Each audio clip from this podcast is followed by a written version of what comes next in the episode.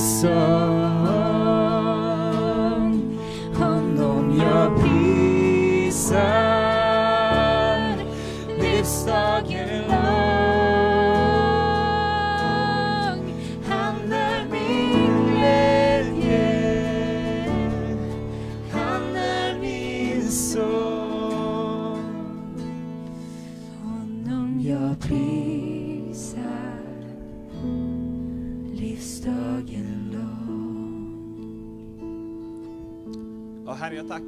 Får vara våran glädje. Jag tackar dig att du får vara våran visshet. Herre, jag tackar att vi bygger våra liv, vi planerar våra liv utifrån den vissheten vi har i dig. Tackar dig för hoppet som vi har, härlighetens hopp att en dag få stå där i himlen tillsammans med dig och vi får se det här löftet uppfyllas att en dag ska vi få känna dig så som du känner oss idag. Och Herre, vi längtar till den dagen, vi ser fram emot den dagen. Men Herre, vi jublar inför dig, vi tillber dig och vi älskar dig och vi ärar dig och vi bara ger våra hjärtan till dig denna stunden. Jag tackar dig för att du är här med din heliga Ande. Du är här just nu som Maria talade om förra veckan för att tvätta våra fötter.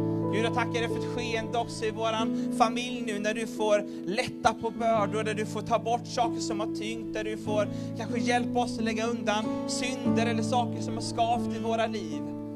Herre, jag tackar att du är här den här stunden. Jag bara ber att vi inte ska få gå förbi denna stunden utan att uppmärksamma att du är här. Herre, jag tackar dig för att du är här för att tala till oss också denna stunden. Jag tackar dig för att din Ande är här för att möta med oss. Och herre, vi öppnar oss för dig. Vi ber, kom och rör vid oss. Kom och tala till oss denna stunden. Vi prisar dig Jesus. Och hela församlingen sa det. I Göteborg är det lite bättre. Jag tänker vi kanske kan toppa det lite grann. Vi testar en gång till. Och hela församlingen sa det. Amen. Amen. Underbart. Nu känner jag mig riktigt hemma här. Varsågod och sitt. Det är faktiskt riktigt härligt att kunna säga att man är hemma i Örnsköldsvik. Det är så roligt. Jag skrev för några veckor sedan, precis innan jag flyttade, så var det något i en låtsasledargrupp och då är det någon som är hemma den här helgen och då sa jag att då är jag hemma i Övik. Och det är riktigt härligt. Eh, jag har, jag har fått ett ord från Gud om bön. Och i Apostlagärningarna så läser man hur församlingens födelsedag, man ser hur heliga ande kommer, hur Petrus går ut och predikar första pingstpredikan och sen så vandrar runt och en man vill ha hjälp. Och Petrus han säger att "Ja, jag har inte pengar, jag har inte så här, men det jag har det ger jag dig. Och så blir den här mannen helad. Och det kommer massa människor och Petrus han fortsätter att predika. Men så möter de problem. Ni har ju inte det här i Norrland, men i Göteborg finns det mycket problem och i Stockholm finns det ännu mer problem. Och apostlarna, de hade problem. De kallades till det stora rådet och där blev de anklagade och så sa de att ni får inte predika i det där namnet. Ni får sluta, du får inte. Och så säger de så här, men döm själva, är det rätt att lyda människor eller att lyda Gud? Och så sa de, så, nej, ni får i alla fall inte. Och så gick de därifrån, och så var de lite skakade. Och så står det att de kom till sina egna, när de hade blivit frisläppta, så gick de till sina egna och berättade allt vad översteprästerna och de äldste hade sagt till dem. Och när de hörde det så ropade de tillsammans till Gud och så bad de, Herre du som har gjort himmel och jord och hav och allt som finns i dem. Och så bad de utifrån salta salmer.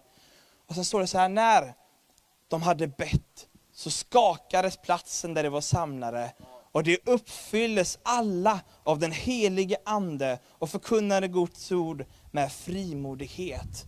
Bönen var supercentralt i den första kyrkan. Det var det som bar dem, det var det som fyllde dem, det var det som uppmuntrade dem. Det var där de hämtade sin kraft och sin styrka. Och man läser lite tidigare att det som var viktigast i den första gemenskapen, det var ordet, det var gemenskapen, det var nattvarden och så var det bönerna. I Göteborg har de sagt kaffebönerna, så de har skrattat, så här, bryggt på heliga böner. Bönerna, de höll troget fast vid det. Det var något som var viktigt med bönerna. Och jag vet inte om du tänkt på den här frågan någon gång, men vet du varför man ber? Nu får vi se Thomas. Om... Ja, jag har funderat lite grann. Ja, vi har lite bra förslag här. Jesus han säger så här, i Johannes evangeliet kapitel 16, vers 24. Hittills har ni inte bett om något i mitt namn. Be och ni skall Bra. Be och ni ska få så att er glädje blir fullkomlig. Jesus säger att vi ska be så att vi kan få. Så att Gud kan få göra vår glädje fullkomlig. Har ni tänkt på det att när man ber, den bästa motivationen är ju faktiskt att man får saker och ting. Annars är det ju inte så spännande att be till Gud. Det är många gånger man kanske gått på något så här, någon samling och man är lite, så här, lite trött och lite seg. Och så känner man så att, inte superpepp på att be. Och så knäpper man sina händer och så lite plikttroget så här, och Jesus, man kanske ber lite tunga lite sådär. Och så kommer man på, just det, Gud han hör ju när jag ber. Jag ber ju för att jag ska få saker och ting. Och tron på att Gud hör vad jag ber och att han vill svara på mina böner. Det är den bästa motivationen för ett levande böneliv. Gud vill att vi ber så att han kan ge oss bönesvar, så att vår glädje blir fullkomlig. Är inte det bra? Det är gött. Om någon skulle säga till dig så här, åk ikväll till Härnösand. Inga halleluja. Inga amen. Jag vet inte vad man gör i Härnösand på en, eh, en söndagkväll. Jag har inte hört någonting om det. Det kanske finns någonting i det. Man blir inte så inspirerad och så tänker man, ah, men det kostar ju pengar, man ska tanka bilen och däcken slits, du vet, och det, oljebyte kommer bara närmare och närmare och så. Jag vet inte alltså om jag ska göra det. Men om någon skulle säga så här, om du åker till Härnösand ikväll så får du en miljon kronor på Swish direkt. Och du litar på den här personen. Du hade åkt hela vägen till Göteborg för att få den här miljonen. Eller hur? Det är lite skillnad i motivation. Men det bygger ju på att man också kan lita på den personen. Det finns luriga människor jag märkt som bara skojas och retas. Och då kan man ju tappa lite förtroendet för dem och de skämtar bara så här. Men Gud, han är inte sån som luras. Gud är en Gud som man kan lita på. Därför behöver vi tro. Tro på Gud. Paulus skriver så här att tron kommer av predikan i Romarbrevet 10. Men ibland så är det så mycket annat som smyger sig in i våra öron. Istället för predikan så kanske vi byter ut Guds ord mot tv-serier eller musik, eller vi har vänner som talar in saker och ting som, som konkurrerar. Och så går vi runt med lite så här äh, andliga vaxproppar. För att vi fyller oss med saker och ting som tar bort tron, som tar bort den här påminnelsen, just det, men Gud finns, han går ju att lita på honom. Så därför behöver vi vakta över, vet du vad, när jag var liten så var jag, det är ju ett hem som man säger så här, men öronbarn. Är det någon som vet vad ett öronbarn är för någonting? Det är inte bara att man har öron, man har öron med problem. Och jag hade mycket problem med mina öron. Så jag opererades fyra gånger i öronen innan jag hann fylla, innan jag var tonåring i alla fall. Och en operation var ganska stor, då fick de öppna upp hela örat och så fick de bygga en ny trumhinna från båda hållen. Så jag har liksom ett ärr bakom ena örat man kan titta på om man vill. Smyga upp där bakom i kyrkfikat och se, är det verkligen sant? Sådär? Eller luras han nu igen? Man vet ju aldrig med de här göteborgarna. Så det var hela tiden en massa problem och grejer. Och så fick jag så här öroninflammationer och sen så det här med smärta och sånt var inget som jag tänkte på när jag var liten, för jag hade så mycket grejer för mig hela tiden. Så mina föräldrar de såg bara att jag var helt mörk under ögonen och bara så här stirrig och sprang runt och skulle göra saker så här. Ja, nu har Elia ont i öronen igen. Så då åkte, fick jag åka in och så fick jag penicillin och så åkte vi till örondoktorn och så hade han en sug. Och så tog han in suger in i örat och så. Ja, precis. Och så sög han bort och ibland så tror jag att vi behöver komma till Gud. Och så behöver vi få hans andliga öronsug som suger bort lite av de här andliga öronvaxpropparna. Så att vi hör och så att vi ser och så att vi tror, så att det blir rent hela vägen in. Så att vi liksom inte fastnar där att oh, Gud, går man inte lita på det, det, det. Så att vi har kvar den här motivationen. Så att om bönelivet har blivit lite segt, om det blivit lite tråkigt att be, så behöver vi få komma till Gud och låta han få suga upp lite sånt gammalt gojs i öronen. Amen. Den andra punkten handlar om våra hjärtan och våra motiv. Vad har vi för motiv i våra hjärtan? Jakob han skriver så här, och Jakob han är ju väldigt rak. Han skriver också att adressera hela församlingen, alltså alla kristna. Och så säger han i Jakobs brev kapitel 4, vers 3. Ni ber, men ni får ingenting, därför att ni ber illa. För att slösa bort det på era njutningar. Du vet, ibland när jag predikar för tonåringar, du vet, de har ju liksom uppmärksamhetsband som guldfiskar. De, så att då får man vara väldigt, väldigt kreativ, så brukar jag ta fram ett rep, ett långt rep, och så, så tar jag en liten, liten repsnutt. Så man knappt ser den. Och så säger jag så här, det här är ditt liv. Och andra änden av det här repet, det är hela evigheten. Fast den är ännu längre.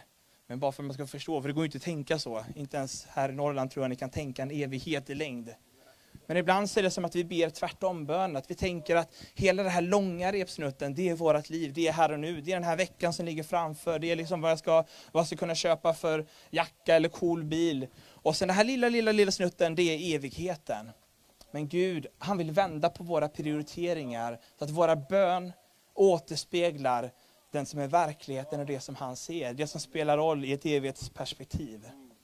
Jag hörde en gång en företagare, han var pappa, och så berättade han hur de hade en liten uthyrningsdel i deras hus och så hade de tagit in en familj och det var en ensamstående mamma med några barn och de hjälpte dem lite grann. Och deras barn och den här pappans barn var ungefär samma ålder så att de började leka tillsammans mycket. Och då upptäckte den här äh, pappans barn att de, här, äh, de andra barnen hade inte så jättemycket leksaker. Det var inte riktigt som det var hemma hos oss, liksom. leksaker från golv till tak och massa olika grejer. Och så var det dags för jul. Och när det är jul så har man ju sin önskelista som man ska skicka iväg till tomten. Det är en ganska viktig högtid i Göteborg, även i kyrkan. Och eh, det var som andaktsfull, men när de skulle skriva sin önskelista till barnen så pratade de ihop sig. Och så sa de så här att ah, vi, borde, vi får ge våra julklappar till de här barnen istället. Så de gick till mamma och pappa. Och så sa de så här, vi vill inte ha några julklappar. Vi vill ge alla våra julklappar som vi skulle få till de andra barnen så att de också får ha leksaker. Tror ni den här pappan blev glad i hjärtat? Han blev jätteglad i hjärtat. Och så berättade han som så här, de grät liksom, han och hans fru var helt överlyckliga. Våra barn, de här barnen, de här, de här barnen har det varit så här, så här fina tankar. Så han gick och köpte massa leksaker till alla barnen. Och så fick alla barnen leksaker.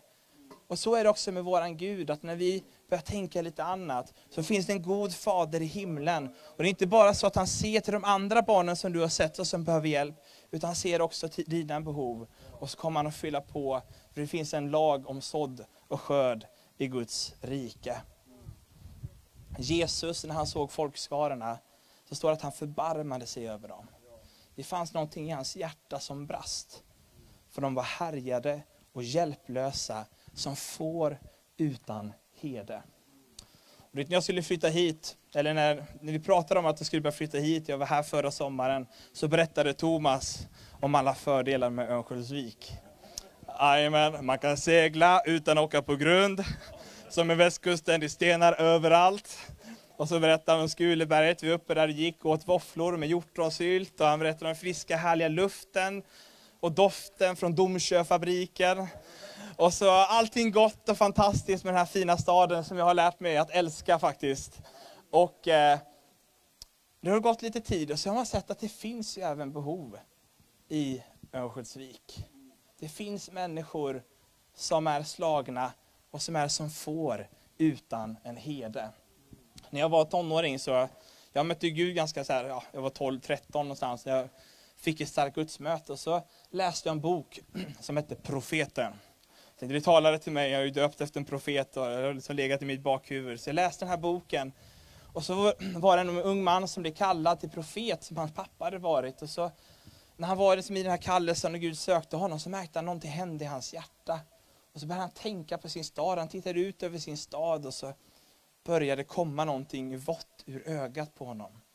Sånt där som vi killar inte håller på med annat än i duschen. Staden bara låg i hans hjärta, allting som var trasigt, allt som var brustet, det bara satt sig i hans hjärta. Och så pratar han med sin pappa, vad är det här? Profetisk rörelse. Det är därför som vi är lite konstiga. Vi viftar lite extra med händerna, kanske ropar lite extra högt och tycker lite extra mycket och det och det hållet och lägger oss i det ena och det andra. För det är inte bara så att vi är en evangelistisk rörelse, vi är en profetisk rörelse. Vi är en undervisande rörelse, det är vår tyngdpunkt och det är det som verkligen ligger i oss. Men om vi ska vara en profetisk rörelse som har någonting att säga till om den här världen, så måste också våra hjärtan gråta för våran stad. Så måste vi gråta över de som är slagna, vi måste gråta över de som är förskingrade, vi måste gråta över de som är som får utan en herde. Ordspråksboken 4, vers 23 så står det, men allt som ska bevaras, bevara ditt hjärta, för därifrån utgår livet. Bevara ditt hjärta mjukt. Så vi inte bara står där och pekar ut sanningar, vi inte bara står och predikar ut och läser bibelord, utan vi har ett hjärta som är brustet. Gud, han hör böner som kommer ur ett brustet hjärta och som är födda ur kärlek, lite bättre än andra böner, står det i fjärde Göteborgsbrevet. Den tredje punkten som jag skulle vilja tala lite om, det är när Petrus får lära sig någonting om att gå i tro. Du har säkert hört den här storyn många, många gånger och tänkt på den. Man kan läsa i Matteus 14, vers 22. Jag kommer läsa i det här sammanhanget.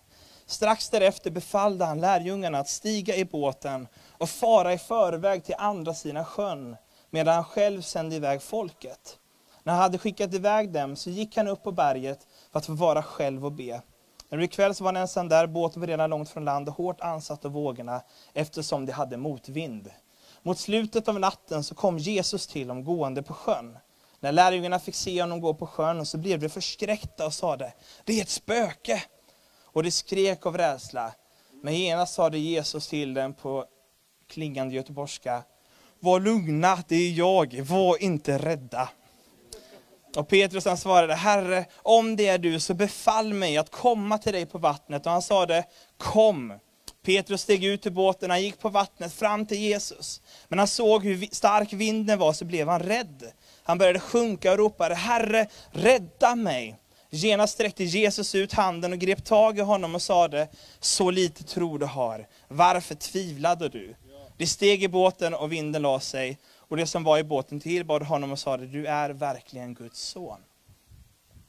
Nu undrar jag här, helt ärligt, hur många här har någon gång i smyg, i tanken bett en bön innan du klev in i vattnet. Gud, låt mig gå på vatten.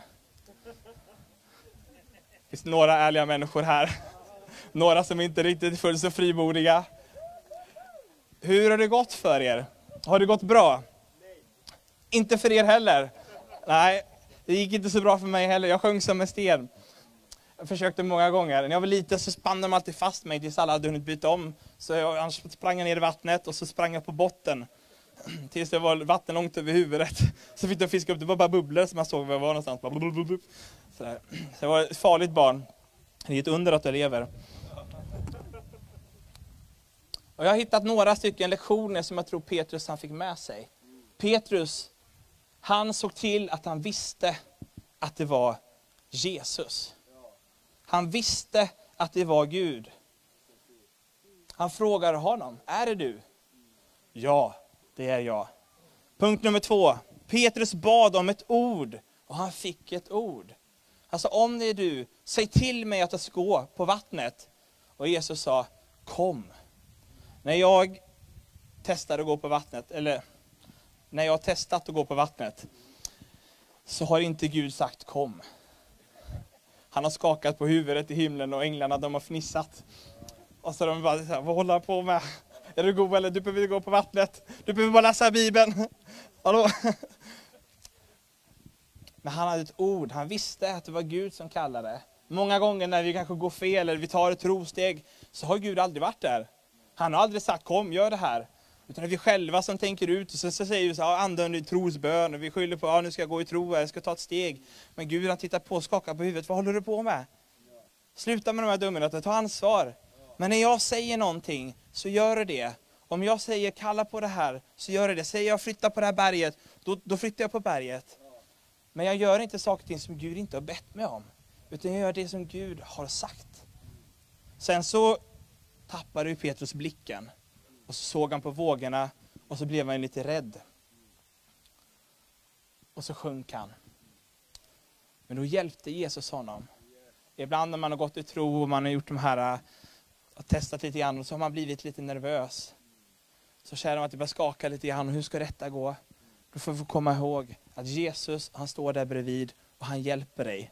Han kanske säger, ajabaja, skärp dig nu, du ska titta på mig, du ska tro. Men han hjälper dig, han sträcker ut sin hand och han är trofast. Han kommer aldrig lämna dig, han kommer aldrig överge dig. Första Johannesbrevet, kapitel 5, vers 14, står det så här, den tilliten har vi till honom. Att om vi ber om något efter hans vilja, så hör han oss. Och vet vi att han hör oss vad vi än ber om, då vet vi också att vi redan har det vi har bett honom om. Är inte det ett fantastiskt ord, ett fantastiskt löfte? Att när vi ber om något som är enligt hans vilja, då kan vi veta att han kommer ge oss det som vi har bett om. Jag har ju en påse med mig här. Du kanske är nyfiken på vad som är i den här påsen. Ja. Får se om jag kommer berätta något.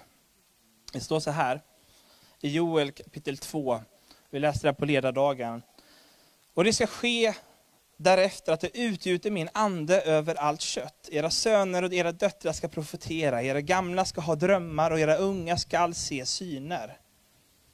Det som är vackert med det här, Guds ande har ju utgjutits över allt kött, men det utgjuts över alla åldrar. Det utgjuts över sönerna och över döttrarna, över de gamla, vilka du får definiera själv vad du tillhör, och över de unga. Guds ande utgjuts över alla. Och lite tidigare i samma kapitel så står det att, att eh, ingen tränger den andra. Var och en går sin egen väg rakt fram. Ingen viker av från sin bana. Den ena tränger inte den andra. Var och en går sin givna spår. Gud har en plats för var och en i en församling med ett starkt böneliv. Bön är inte en generationsfråga där det är en generation i taget, utan bönelivet det är någonting för alla generationer som vi gör tillsammans. Men jag upptäckte en sak, att församlingen, den är ju lite, man är lite olika på olika platser. Och i församlingen så finns det så här, eh, små blåbär, andliga blåbär. De är nybörjare på det mesta. De kan vara väldigt unga ibland. Springer runt och kanske gråter under gudstjänster och skriker på fel ställen i predikan. Och sådana här saker. De vet inte riktigt hur man ska bete sig. Det finns lite sådana här babytomater de smakar ju ungefär som tomater och eh, övrigt precis som vanliga tomater, men lite dyrare och lite mindre. Och Sen finns det andliga, vi har ju slanget i Göteborg, päron. Det betyder ju föräldrar. Andliga päron som finns och som, eh, som finns och bara backar upp, som är lite föräldrar. Man har lite olika roller i församlingen. Man fyller lite olika funktioner. Men Gud, han har en plats för var och en. Sen finns det något som jag inte tror hör hemma i Guds församling. Det är de här sura vettdukarna som man också kan hitta i mataffären. Är det någon som har luktat någon gång på en vettexduk? Ja, de är inte fantastiska. En del säger att en vettexduk har mera bakterier än toalettstolen. Inte sådär jättefräscht. Men ibland så blir man ju lite lockad. Att när man har varit med ett tag att man tar fram sin vettexduk och så ser man att nu behöver vi fixa till någonting här. Nu är det någonting som inte riktigt är rätt. Nu är det någonting som är lite tokigt här och nu är det någon som ber lite konstigt, använder fel ord eller, och citerar på tokiga ställen här. Och så tar man fram sin lilla äckliga vettexduk. Men det finns ju ingen människa som tycker om att bli tvättad med vettexduk i ansiktet. Eller hur? Jag tror någonting som är mycket, mycket mer andligt och mycket, mycket mer bibliskt i mataffären. Vet du vad det är för någonting? Det är bärkassen. Vet du, vi kallar det att bära frukt. Nu har vi en miljökasse. En sån här dyr plastmiljökasse som är extra subventionerad. Den kostar typ 6 kronor. Det är det här som vi kallar det till att vara när vi har vuxit upp i Guds församling. Att vi bär varandra. Vi bär varandra i kärlek, vi bär varandra i böner. Vi står där nära varandra och vi uppmuntrar varandra. I Malaki kapitel 4 så står det att jag ska sända er profeten Elia innan Herrens dag kommer, den stora och fruktansvärda. Han ska vända fädernas hjärtan till barnen och barnens hjärta till deras fäder, så att jag inte kommer och viger landet åt förintelse. Det finns en viktig poäng här och det är att det vänds först fädernas hjärta till barnen, innan barnens hjärta vänds till fäderna. Du som är äldre är alltid kallad att ta det första initiativet. Du som är äldre är ju också den som har gått flest bibelskolor, du har varit på flest bönemöten, du har hört flest predikningar, du har fått mest förbön, du är mest fylld av vishet och massa saker förhoppningsvis. Och det är du som är kallad till att ta första steget, att finnas där för nästa generation, att vända ditt hjärta till nästa generation och låta den få springa bredvid dig och se den springa. När den generationen tar fart, så sakta inte din generation ner. Nej, då har du ett litet nytt ansvar. Du kanske har varit ett andligt blåbär eller en babytomat. Nu är du kallad att vara en bärkasse. Du är kallad att vara ett andligt päron. Ja, vad bra. Vet ni, när jag var tonåring så hade jag en i församlingen som hette Johan. Nu kan vi ha lite så här andligt pianospel, nu kommer det bli sentimentalt. Och Johan, man får skämta så om man är musiker och vet. Jag vet vilka ackord det handlar om. Så här. Jesus 4 och sus 2, C-sus 2. Det vill säga, kommer en helig ande på en gång och man känner halleluja. Vi har ett hemligt språk för det här som ni inte vet om. Men Johan, han var lovsångsansvarig. Han hade alltid kostym på sig. Han har ett bra jobb, han har en fin utbildning. Han hade lovsång hur mycket som helst och så predikar han i församlingen. Ibland predikar han i andra kyrkor. Och Johan han var så här superduktig och varje gång som det var lovsångsövning så kom han med sin BMW med ett avgassystem som lät som att det, det tillhörde något, Carl Joels bil typ. Den stora trucken. Det lät precis så, som man hörde när den kom från liksom, andra sidan kvarteret, så då hann man liksom gå och borsta tänderna, ta en macka och ta på sig jackan och sen så kom man så, så här, lagom. Och så satte man sig i bilen och då öppnade Johan munnen och så började han predika rättfärdighet. Och så citerade han sina favoritpredikanter. Och då samma predikan ungefär varje gång så att man verkligen skulle lära sig och förstå. Och så var det lovsångsövning och så, så skjutsade han hemmen och så var det predikan igen och så körde han på sådär. Och Johan, han hjälpte till jättemycket i kyrkan. Men ändå så hade han alltid tid att vara vän till de som inte hade några vänner, de som mest behövde kompisar. Så att alla, du vet, alla goa, speciellt goa gubbar i församlingen, de var ju kompis med Johan och hängde kring honom. Så runt hans fikabord efter varje gudstjänst så var det det här äh, speciella gänget som äh, höll på med speciella saker på fritiden och gjorde speciellt intressanta saker till när de äh, försörjde sig. Och jag kommer ihåg en gång Johan, han plockade upp, han ringde mig på en söndag eftermiddag och sa Elia, vad gör du? Och jag skulle egentligen plugga, jag har skoluppgifter, så jag var inget viktigt. Han bara, ah, vad bra, för vi, jag behöver lite hjälp här, vi ska hjälpa en kille att flytta ut lite grejer ur lägenheten. Ja, så här, han bor. Kan jag plocka upp det om eh, tio minuter? Så, ja visst, det går bra sådär. Inga problem, jag har all tid i världen. Så jag hoppar in i bilen och så åker vi iväg där ute i en förort i Göteborg. Och så kommer vi in i en lägenhet i ett område med väldigt, väldigt höga hus, ett miljonprogram i Göteborg. Och så kommer vi in i en lägenhet. Och det första märker att man ser ingenting. De hade stängt av elen. Han hade, inte, han hade glömt att betala elräkningen ganska länge, så då fanns det ingen el kvar. Och sen så känner man en speciell doft. Inte Domsjö fabrikdoften som kom in här nu, men en annan doft som var ännu lite skarpare. Och så var det smala, smala korridorer och så var det bara skräp från golvet hela upp i taket. Ni har sett på TV sådana här hoarders i USA, de har det på andra sidan i det andra landet, det konstiga landet. Och så var det en äggkartong, det var åtta år gammal. I köket så låg det en massa kött som man hade köpt billigt och bra på rea och sparat på köksbordet i många år. Och så sa han, ah, han, han är ju vräkt så vi måste tömma lägenheten tömma lägenheten. Så vi hade bara svarta sopsäckar och så stod man och lastade i grejer och så fick man bära ut de här. Liksom, och jag bara, vad är det jag tackat ja till? Här kunde du ju berättat innan, men det, det gjorde han inte. Och så fick jag tömma den här, vi, kom, alltså vi gjorde en procent av den här lägenheten, det var helt hopplöst. Men ändå så var vi där och hjälpte till. Och så var det någonting som han överförde. För Johans hjärta var vänt till Elia. Och jag var ju inte alltid så enkel. Jag bråkade med pianot, de köpte fel piano. Det var liksom inte bra. Helt fel. Jag skickade långa sms med lång argumentation varför det var helt tokigt och dumt. En annan i församlingen heter Ragnar. Och Ragnar, han är urgöteborgare. Thomas och Maria de har träffat Ragnar och hört han predika om Borås. Bara goda saker kom från Borås ungefär. Inte riktigt. Och sen så, han samlar på gitarrförstärkare. Jag tyckte ju om att spela gitarr. Och så var han också predikant i församlingen.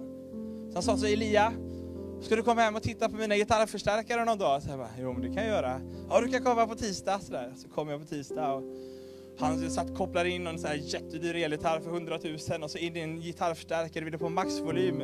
Så jag blev ju livrädd. Jag kunde våga inte spela på strängarna för det var så högt. Typ, Bara, vad är det här för hemskt? Det var som innan jag hade förstört min hörsel och kan spela på hög volym. Så som alla gitarrister drömmer om. Det är så fantastiskt. De låter bäst gitarrförstärkare på maxvolym nämligen. Och så pratade vi lite grann gitarrförstärkare. Han förklarade, det finns såna här förstärkare, det finns såna här förstärkare. Och de här, och så gör man så här, och så gör man så här med de här. Och så kunde jag få låna förstärkare om jag ville ibland och behövde. Det gjorde jag ofta och gärna. Och så pratade vi om Gud och Jesus. Och så om gitarrförstärkare, och så om Gud och Jesus. Och så gör vi fortfarande faktiskt, ungefär en gång i veckan. Pratar om Gud och Jesus, och så delar vi livet. För att Ragnars hjärta vände sig till lilla Elia. Så lärde jag känna en som heter Coola Nattan. Det är ett coolt namn. Så vi kallar honom för Coola. Han hade ett smeknamn när han var ungdomspastor. Coola the Devil Driver. Det betyder coola eh, demonutdrivaren. Han, var så här, han hade mycket så här eh, eld-t-shirt i sitt källarförråd. Vi hjälpte honom att tömma den en gång. Han bara, vill ha såna här? Turn or burn stod det på ryggen. Så bara, ah, tack det är bra. Jag tror inte den passar, fel färg. Och så här, ah, han, hade kört på mycket, han varit ungdomspastor och så här, och så hade han kanske lugnat ner sig lite grann och så, och så fick han lite hjärta för den här Elia. Och så kommer jag predika en gång, jag brukar åka till den svenska kyrkan i Gråbo. Gråbo det är en väldigt liten metropol som ligger utanför Göteborg, som ingen har hört talas om. Och i Gråbo så predikade jag ibland för ungdomarna där och så fick han höra att jag skulle dit och predika. Och då sa han så här, Elia, jag kör dig. Jag hade inte körkort eller bil eller någonting. Och så körde han ut mig dit, och mina kompisar och mitt gäng, och han var med och bad för oss. Och så satt han där och, och lyssnade när jag hade min predikan där. Och, så, ja. och sen efteråt när han, vi hade droppat av mina kompisar, han skulle släppa av mig, så började han tala in i mitt liv. Och så talade han in ord och uppmuntrande ord och tro. Han sa, Elia, det var en bra predikan. Det här är bra, du ska fortsätta med detta. Och det byggde mig och det styrkte mig. För Kolanatans hjärta vände sig till lilla Elia så att mitt hjärta kunde öppna sig och ta emot. Jag var på ett läger och så var det en pappa som kom. Vi hade verkstad hette det på de här lägren. Det var här på förmiddagssamlingar. Man kunde välja vad man ville, om det var dans eller om det var... Och så hade han seminarium då om att höra Guds röst. Och när pappan åkte in då varje år för att ha det här att berätta hur man hör Guds röst. Hur hör man Gud tala? Så han öppnade sin bibel och han hade inget coolt över sig, han var en ganska ocool pappa. Men han var ett väldigt fint hjärta, hans hjärta var vänt till oss. Och så öppnade han sin bibel och så berättade han om hur Gud fungerar, hur Gud talar till våra hjärtan. Så förklarar han hur de här rösterna på insidan, när Gud säger någonting så kommer alltid en röst som säger, det där var inte Gud. När du går och köper en glass, tänker så här, jag är sugen på glass. Då brukar du inte ha en röst i huvudet som säger, det där var, det var inte Gud som sa det där. Utan du, ja, nu är det jag som vill ha glass. Men så fort det är Gud så kommer det komma den rösten, bara så ni vet det. Jaha, sa Gud. Och så delar han ut papper och så delar han ut penna. Och så sa han så här, nu ska ni skriva allt som kommer upp i huvudet efter jag bett. Och så bara skriv ni, tänk inte, bara skriv. Och så bad han en bön och så var det helt tyst. Det var inte ens sån här helig ande-piano. Och så satt vi där och skrev med här tuschpennor i olika färger på våra papper. Så där, och hur ska det här gå? Men det var lite pinsamt. Så du behöver inte visa för någon. Det är bara mellan dig och Gud. Och så efter att det hade gått en 20 minuter så satt vi allihopa och hade skrivit brev från Gud till oss. Och jag läste hur Gud talade till mig. Och som att Gud skrev ett brev genom min hand.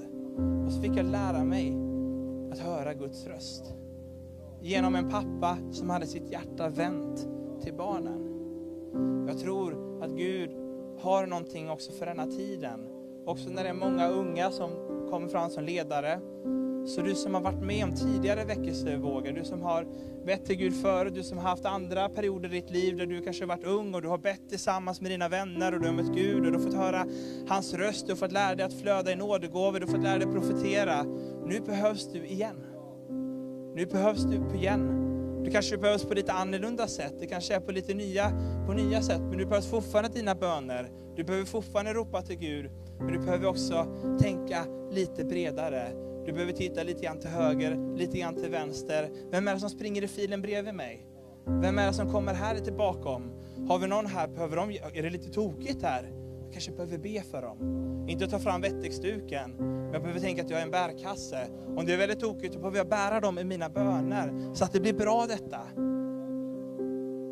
Jag tror Gud han utmanar oss för den här terminen, att plocka fram bönens ande, men att göra det tillsammans, sida vid sida, generation bredvid generation. Gud, han hör bön. Och Gud han vill att vi ska be till honom, att han kan få svara på våra böner. Men kanske det är så att du känner att det här hjärtat det har varit lite hårt det sista. Ibland så märker jag att jag, jag har inte gråtit på väldigt länge. Jag har inte liksom tänkt på att jag har varit någon som har behövt behov och känt någonting i hjärtat på ett tag. Mitt hjärta har blivit lite hårt. Då brukar jag få knäppa mina händer och så brukar jag få be Gud hjälp mig. Jag behöver få ett mjukt hjärta här igen, förlåt mig. Jag älskar ju inte de här människorna. Jag bryr mig inte. Vad är det? Du kan inte ha sånt här hjärta och predikant eller lovsångsledare. Eller vara en Guds barn. Det Vi funkar ju inte att hålla på så här. Men då kommer Gud och så sträcker han ut sin hand.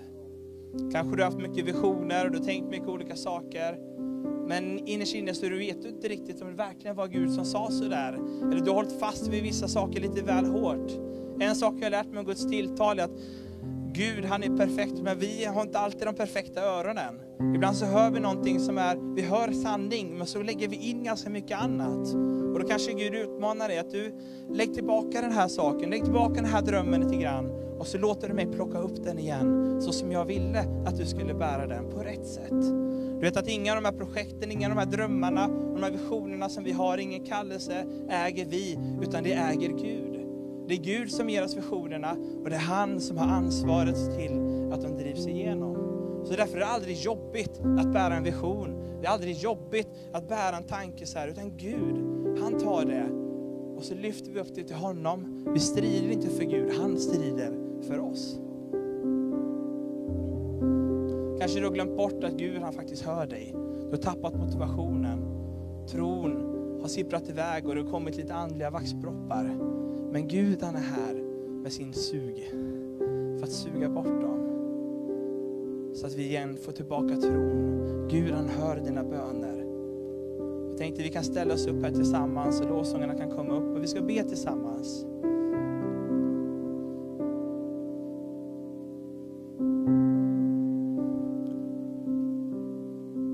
Så här i coronatider så kan man undvika kanske handpåläggning och sådana här saker. Men Smith Wigglesworth, nu tar jag det från minnet här. Smith Wigglesworth var i Stockholm. Det här måste vara i början på 1900-talet, slutet på 1800-talet. Nej, det måste vara 30-talet kanske. Titta på Thomas, han kan allt. 30-talet kanske. Och så var han på, i Filadelfiakyrkan kyrkan i Stockholm. Och på den här tiden hade Sverige en lag, kvacksalverilagen. Man fick inte hålla på att bota människor om man inte var läkare. Det blir inte bra. Jobbigt när folk blir friska och vi inte har en, inte ens en doktor som gör det. Och så bad han för massa människor hålla händerna på dem. Och så blev ju massa stockholmare helade. Och så var polisen där och sa, ajabaja, så här får du inte göra. Om du gör det här igen så kommer vi sätta dig i fängelse. Eh, härligt Sverige, bra. Och så skulle han ner till Göteborg, i Smyrnakyrkan. Och så skulle han ha ett möte och så bad han, Gud hur gör jag om jag inte kan lägga händerna på folk ens? Hur ska jag göra? Ska jag göra det i alla fall? Ska jag sitta i fängelse? Vad vill du Gud? Och så sa Gud så här, ja men be dem bara lägga sin hand på sitt hjärta. Och så sträcker du ut dina händer, lägg inte handen på någon. Och så ber du bara bön. Och så kommer jag göra verket. Han bara, jaha, kan man göra så? Så har man inte gjort på den här tiden. Nu gör vi det hela tiden, vi orkar inte lägga händerna på människor nästan. Och så eh, blev människor helade även i Göteborg. Och vi kanske kan göra så nu att vi lägger handen på vårt hjärta. Om det är så att jag har träffat dig på något område, du känner att bönen, lågan behöver komma igång, eller du behöver lägga ner din wettexduk och plocka upp bärkassen, eller vad det än är. Så vill Gud möta med dig och tala till dig. Kanske du är ung och du har känt att jag har ju aldrig bett på riktigt. Jag har aldrig haft det här bönelivet, men jag behöver lära mig att be. Jag behöver väcka upp tron. Det har varit för mycket tv-serier och kompisar som har talat in fel saker. Men jag behöver låta Guds ord tala in tro in i mitt liv så att jag börjar be. Så att jag får se bönesvar i mitt liv, så att jag ber människors liv bli förvandlade.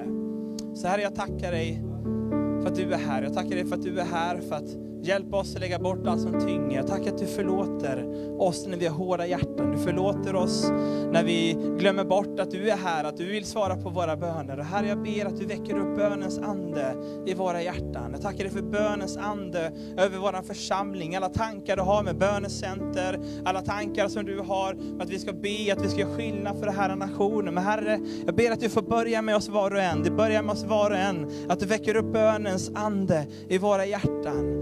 Herre, jag tackar dig för att vi får vara bedjare som får tala till berg och flytta sig. Att vi får vara bedjare som får be för familjer som är trasiga. Vi får be för de ungdomarna som stökar utanför Max. Vi får be för de här som, som gör livet jobbigt eller som vi tycker förstör för vår stad. Så att de får bli frälsta, så att de får komma in i din, din församling, så att de får bli som får med en hede istället för får utan hede. Herre, jag ber för våra hjärtan, vi ska få vara mjuka. Låt oss inte vara hårda när vi ser behov, utan låt oss för mjuka hjärtan när vi ser behov, Fader. Herre, jag bara tackar dig för att du gör ett nytt verk i våra hjärtan. Du gör ett nytt verk i våra liv. Deborah, vill du, också, du har verkligen bön på ditt hjärta. Ska du be en bön för oss? Ja, halleluja. Tack Herre. Tack Herre. Tack Herre. Tack Herre. Tack för din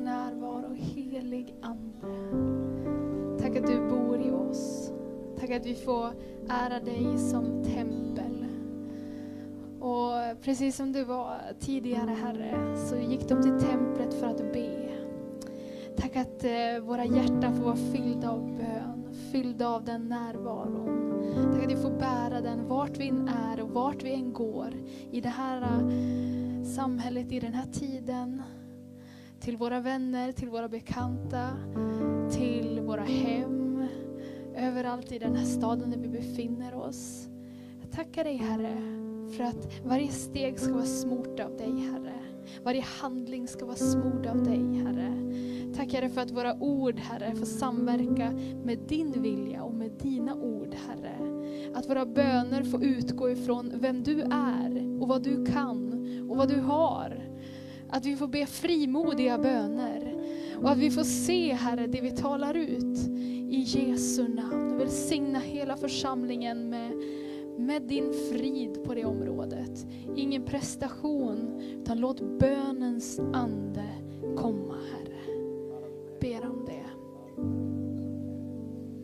Underbart, så härligt. Tack så mycket Elia för de orden du delar. Jag tror det är uppmuntran. Ska vi ge brodern en härlig applåd? Så bra, låt oss vara de här bärkassarna till varandra.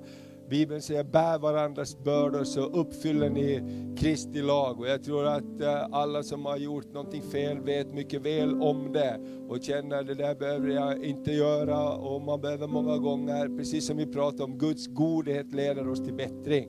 Och så går vi tillsammans och så lär man sig på vägen. Men hjärtats inriktning och bön är den hela Gud, vi vill, vi vill tjäna dig. Vi vill stå tillsammans och, och se ditt rike komma mer och mer och mer. Och jag bara eh, vill uppmuntra dig att bara tro Gud det här året om att få ta nya steg, att vi ska få se Guds rike komma. Vi, vi lever närmare än någonsin de tiderna att Jesus kommer snart tillbaks och alla de här tecknen vi ser händer runt omkring oss. Låt oss inte vara så inriktade i vår egen bubbla att vi glömmer Guds stora vision och plan. Och det finns en himmel som väntar på oss och vi ska vara tillsammans i himlen idag, eh, en dag. Och vi ska, vi, jag har bara fått det här senare, Jesus kommer inte tillbaks för att hämta en halvtom buss. Jesus vill ha bussen full när han kommer, eller hur? Och du och jag, vi ska vara med och bara bjuda in människor i Guds närvaro. Bjuda in dem i bussen som är på väg till himlen. Och det är en underbar plats. Amen. Så vill du ha mera förbön eller samtal så är du jättevälkommen att göra det. Nästa söndag samlas vi här igen. Låt oss tro Gud om att eh, eh väder så vi kan vara ute. Från september har vi tillgång till mera lokaler. Några hyresgäster, eller en hyresgäst har flyttat ut och vi får två eh, extra lokaler. Så vi har tre lokaler att använda. Så från september så kommer vi att hålla till inomhus. Men ta emot Herrens välsignelse så kan vi sjunga lovsång också. Mötesvärdarna och ni kan plocka fram bord och så här. Och kan vi fika och ha gemenskap. Så ta emot Herrens välsignelse. Herren välsigne dig och bevare dig. Herren låter sitt ansikte lysa över dig och vare dig nådig. Herren vänder sitt ansikte till dig och giver dig frid. I Faderns, Sonens och den helige Andes namn. Så gå i frid, tjäna Herren med glädje. Bästa ligger framför, det bästa har vi kvar. Och vill du bli döpt så bara tala med oss också så blir det dop nästa söndag efter gudstjänsten. Härligt, så vi avslutar så här och vi kan prisa Gud med en sång. Yes, och fröjda oss och så fikar vi lite och så träffas vi igen. Tack för att du kom. Ja, vi ska sjunga i linje med det som Elia talade om. Bara du kan möta all min längtan, bara du kan andas liv i mig, bara du ger glädjen som är evig, bara du hör mig när jag ber. Så låt oss bara tro Gud om att det ska få komma en ny iver att be. Bam. Yes.